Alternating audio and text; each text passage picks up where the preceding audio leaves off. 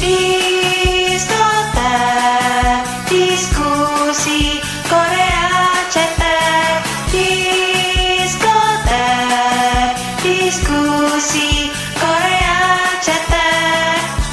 Anyong Yoro Bunda.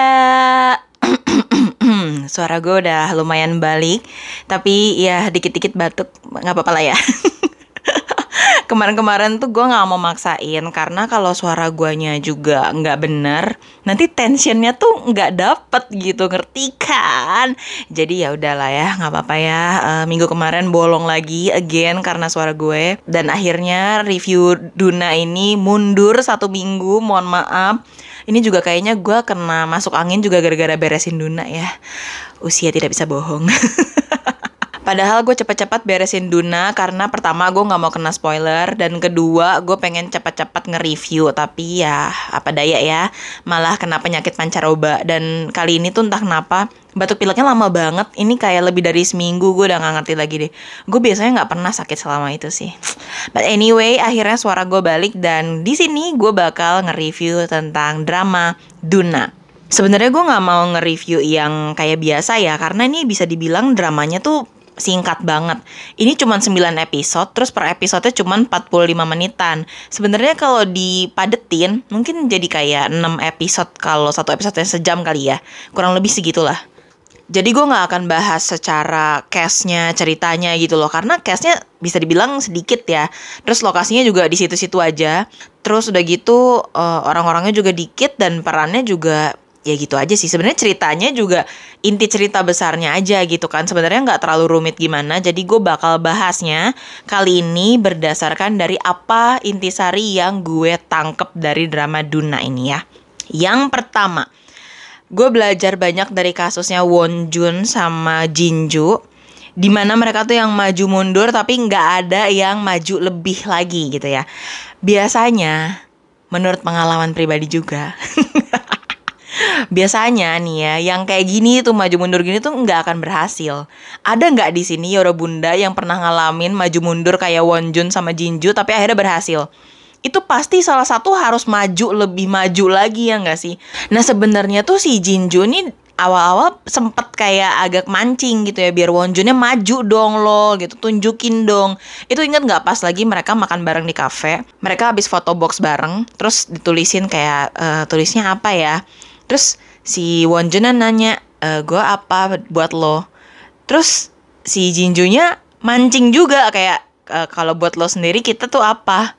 Terus bahkan Jinjunya tuh udah mancing kayak orang-orang pikir kita pacaran. Gue tuh sering banget menemukan kejadian kayak gini di mana dengan si ceweknya nanya orang bilang kita kayak pacaran tapi si cowoknya bukannya maju malah jadi mundur karena cowoknya ngerasa kayak oh lu nggak suka ya kita dibilang pacaran nah yang kayak gitu loh. Terus dengan keselnya gue tuh kayak aduh bahasa Indonesianya apa ya? Kayak kehel gitu kalau Sundanya mah ya. Kalau Koreanya mah tap tap he gitu. Soalnya tuh kayak gimana sih lu dipancing gitu lu malah kayak oh iya kita kan emang cuman teman. Kayak uh kesel banget nih kayak gitu-gitu. Aduh please lah semoga nggak ada lagi kejadian eh, temenan terus dua-duanya saling suka tapi yang satu nggak mau maju yang satu pengen maju tapi takut yang satunya nggak suka. Aduh sebel banget. Jadi kesel kayak aduh gimana ya kayak pengen gua bisikin masing-masing kayak eh dia suka tahu sama lo. Astaga kesel banget. Dan biasanya yang kayak gini tuh hubungannya nggak akan berhasil percayalah bun. Yang berhasil tuh pasti ya salah satunya maju kayak iya gue emang suka sama lo. Kayak harus kayak kayak gitu gitu loh. Cuman kenyataannya di lapangan kadang kalau sama temen tuh ada rasa kayak aduh dia nggak suka ya sama gue ya. Terus kalau misalnya dipaksain tuh malah jadi kayak "Eh, dia nggak nyaman ya kayaknya sama gue ya. Gue nggak mau ngerusak hubungan persahabatan kita. Kenyataannya kalian saling suka gitu. Aduh makanya kesel banget. Dan di sini makin menguatkan teori gue di mana gue nggak percaya cewek sama cowok bisa sahabatan. Kayak nggak bisa cewek cowok seakrab itu yang apa-apa cerita curhat. Kalau cari apa-apa cari dia kalau mau nonton apa cari dia itu tuh kayak nggak mungkin nggak ada ketertarikan gitu loh. Kalaupun berakhir temenan aja ya tapi tetap pernah ada lah rasa nyaman itu gitu loh.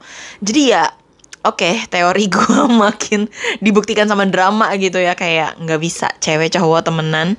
Temenannya yang intens gitu ya yang sahabatan yang bestian banget gitu. Itu nggak mungkin salah satunya nggak ada yang suka nggak ada yang tertarik. Kalau cuman temenan kayak ah gue temenan kok karena sekantor itu beda cerita ya. Walaupun akhirnya teman sekantor juga banyak yang cinlok sih. Cuman kalau kayak cuman karena teman kerja atau teman sekelas atau teman sedivisi yang keseringannya ngobrolnya ya pas jam kerja atau waktu lunch atau dinner. Tapi ya ujung-ujungnya ngomongin apa? Ngomongin kerjaan ngegibahin bos gitu. Kalau itu menurut gue eh, beda cerita ya lain cerita gitu loh. Kalau kayak Wonjun sama Jinju ini bener-bener yang curhat yang apa ya bisa dibilang kenal baik keluarganya juga kayak gimana masalah pribadinya apa segala macam gitu. Ini nggak mungkin nggak tertarik gitu. Sebenarnya dari awal drama pun gue udah tahu walaupun Wonjunnya kesannya kayak nggak Jinju nggak suka sama gue. Tapi gue tahu Jinju pasti suka gitu loh. Cewek juga kalau nggak nyaman nyaman amat sama nih cowok kagak bakal mau gitu diperlakuin kayak Wonjun ke Jinju gitu ya. Yang pakai insyaallah.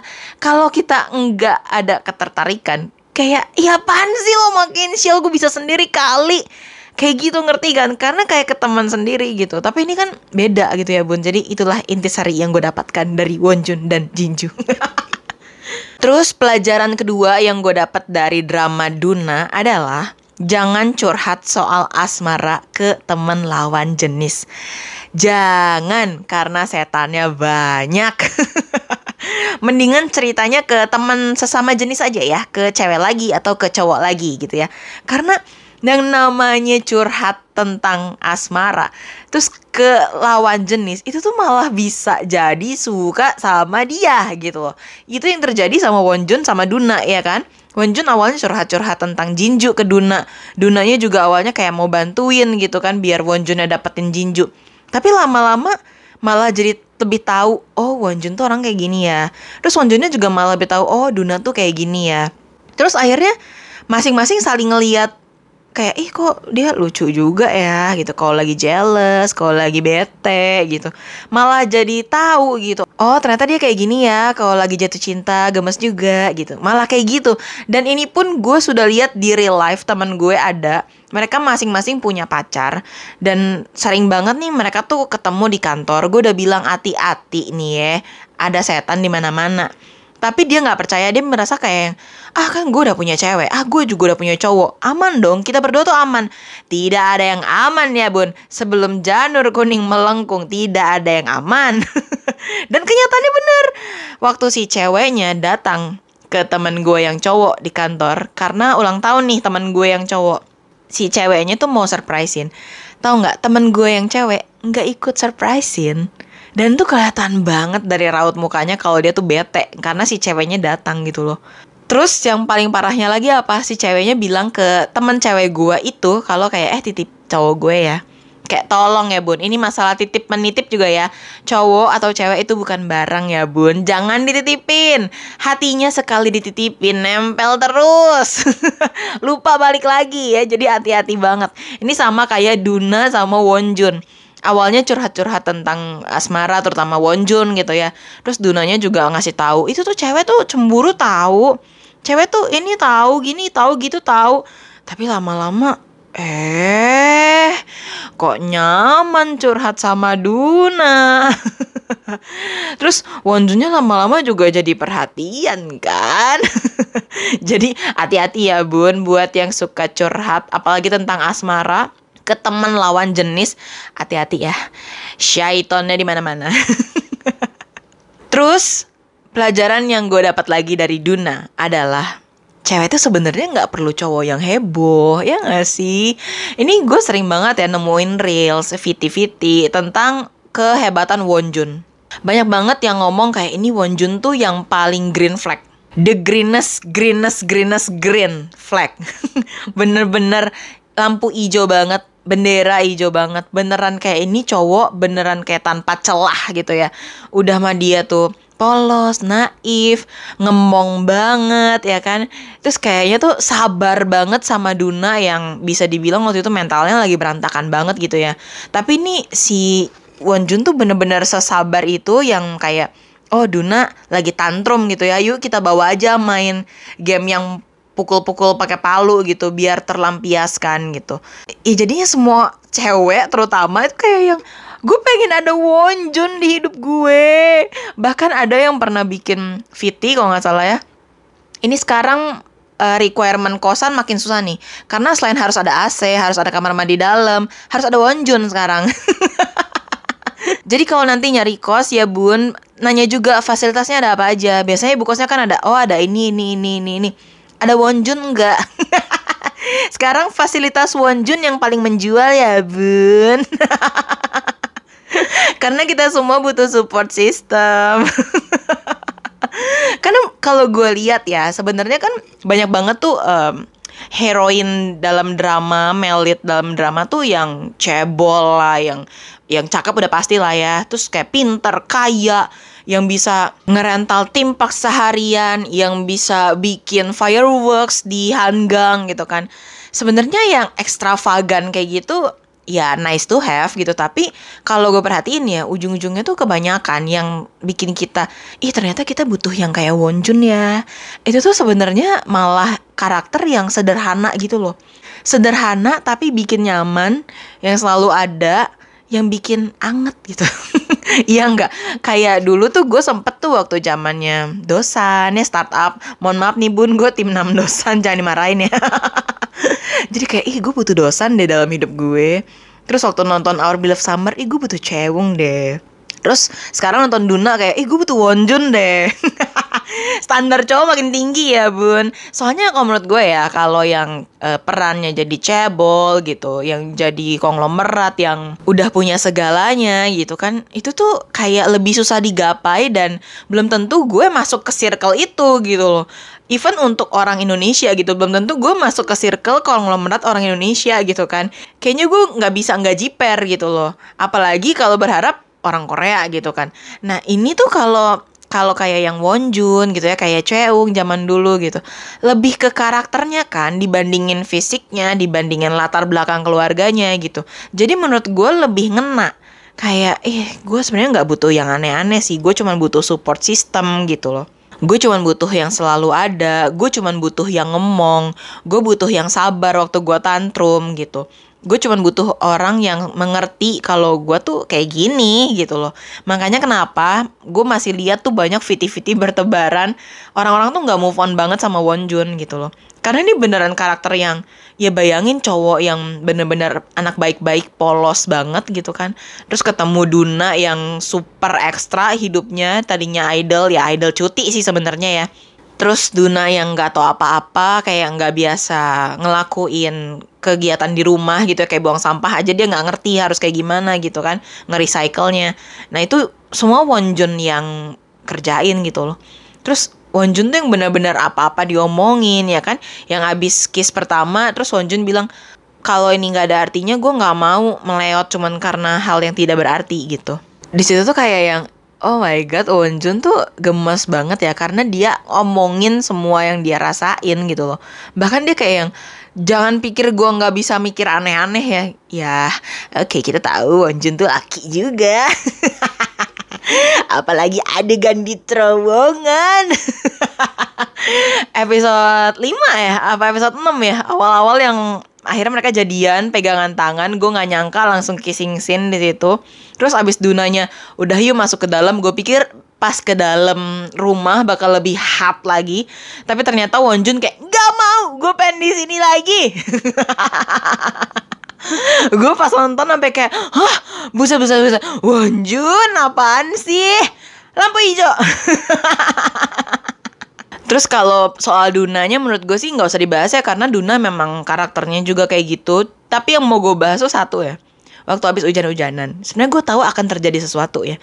Karena biasanya tuh kalau dalam drama Korea, hujan tuh kayak titik balik. akan ada apa setelah hujan gitu ya. Sebenarnya pas main sepeda oke, okay, masih main sepeda lucu gemes-gemesan kayak iklan Pocari Sweat. Tapi pas hujan, gue langsung hmm dengan kegiatan Wonjun dan Duna selama ini. Aku curiga. Terus ditambah lagi Dunanya buset berani amat kayak eh bantu bukain dong bukain bukain. Kayak please sebenarnya itu bisa buka sendiri ya? Please please banget. Kita sesama cewek gue tahu itu bisa buka sendiri. Apalagi Duna yang diperanin sama Bea Suji itu nggak gendut sama sekali ya biasanya kalau yang badannya tebel itu mungkin agak susah buka baju yang tangannya nyilang langsung ke atasin gitu loh. Tapi Duna sama sekali nggak tebel jadi nggak ada alasan susah buka baju ya bun.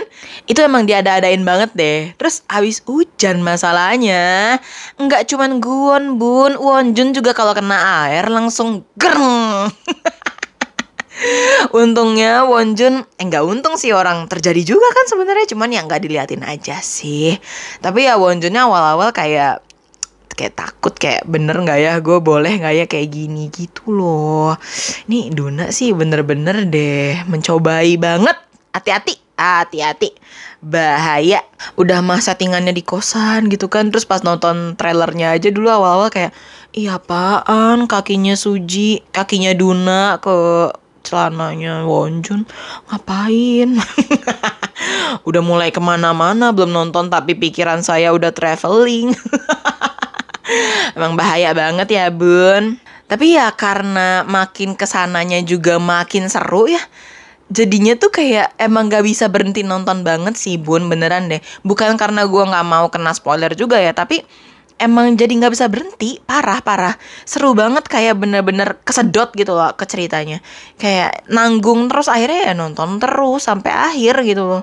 Terus di drama ini juga diceritain gimana susahnya jadi idol. Ya Dunanya banyak minum obat obat tidur ya karena dia insomnia. Terus juga ya itu nggak boleh pacaran. Apalagi nih Duna ceritanya lagi cuti. Terus pas cuti eh malah pacaran gitu kan terus dia harus comeback lagi. Nggak mungkin dia punya pacar gitu loh bisa amburadul karirnya kan. Jadi menurut gue di sisi itu kayak kita di- dikasih lihat gitu loh ini loh beratnya jadi idol gitu. Tekanannya jadi idol tuh kayak gini. Mungkin dicintai sama banyak orang tapi yang ngehujat juga banyak gitu. Dan sekalinya dia buat kesalahan kayak waktu Dunanya manggung aja ya di panggung kan dia sempat jatuh. Itu tuh kayak tenggelam dalam dirinya sendiri gitu kan ceritanya Nah itu ya banyak penonton yang bikin viral juga. Terus Duna lagi makan sama Wonjun banyak yang ngeviralin juga gitu. Dan bikin orang-orang sekitar Duna pun jadi nggak nyaman gitu. Wonjunnya sampai kayak nanya juga, lu ini nggak apa-apa kita viral kayak gini gitu loh. Ya kayak nggak punya kehidupan pribadi gitu loh. Walaupun sebenarnya gue sih nggak paham sejak kapan. Mungkin ini dari generasi pertama kali ya K-pop. Kenapa idol tuh kayak nggak boleh banget punya pacar gitu loh walaupun cewek gitu ya apalagi yang cowok karena kayak sejak kapan sih idol menjanjikan dia akan jadi pacar kita fansnya gue nggak tahu ini sejak kapan tapi semenjak gue ngefans di Gen 2 aja ya udah kayak gitu gitu trennya culture-nya Padahal kalau gue sih dari zamannya gue ngefans sama siapa pun, gue nggak pernah berharap gue jadi pasangannya gitu loh. Gue jadi pasangan bias gue gitu. Ya gimana caranya? Kenal aja susah gitu kan. Ketemu aja susah. Boro-boro buat kenal masuk circle, apalagi buat jatuh cinta gitu loh. Dan gue sih nggak pernah mikir gue akan jatuh cinta sama bias gue ya karena gue nggak pernah merasa gue bener-bener tahu bias gue kayak gimana gitu mungkin kalau akhirnya kita bisa kenalan bisa temenan gitu belum tentu nyambung juga kalau harus jadi hubungan asmara gitu loh ngerti kan jadi gue sih nggak pernah yang nggak pernah sampai halu ngebayangin gue pengen pacaran sama bias gue tuh kayak kayak aneh gitu loh. Bias gue punya kehidupannya sendiri dan gue juga gitu gitu loh. Bias gue ya punya pacar ya nggak apa-apa selama itu setara selevel di mana gue kan memuja bias gue gitu ya. Biasanya kan yang gue sukanya yang ganteng yang gemes yang kiowok gitu ya Nah kalau dapetin ceweknya nggak selevel ya minimal secara visual gitu ya kalau secara kepribadian kan au amat gitu ya kita kan kagak tahu yang aslinya kayak gimana. Cuman ya minimal dia kalau setara ya udah gitu. Gue bisa apa? Gue puas-puas aja gitu loh. Walaupun mungkin ada perasaan ya bukan milik bersama lagi gitu. Sama aja kayak kita waktu lagi SMA ngeceng kakak kelas, eh kakak kelasnya jadian. Jadi bukan kecengan bersama lagi. Intinya kayak gitu kan mungkin jadi cuman kayak oh ya udah dia udah udah ada yang punya gitu. Tapi toh emang dari awal idol kita bias kita tuh even nggak pernah menjanjikan dia akan pacaran sama kita gitu. Apalagi nikah sama kita. Makanya kalau sampai ada bias yang nikah gitu terus fansnya yang bakar CD lah yang bakar poster segala macam menurut gue kayak eh mohon maaf nih dari awal emang ada perjanjian dia bakal nikahin lo gitu.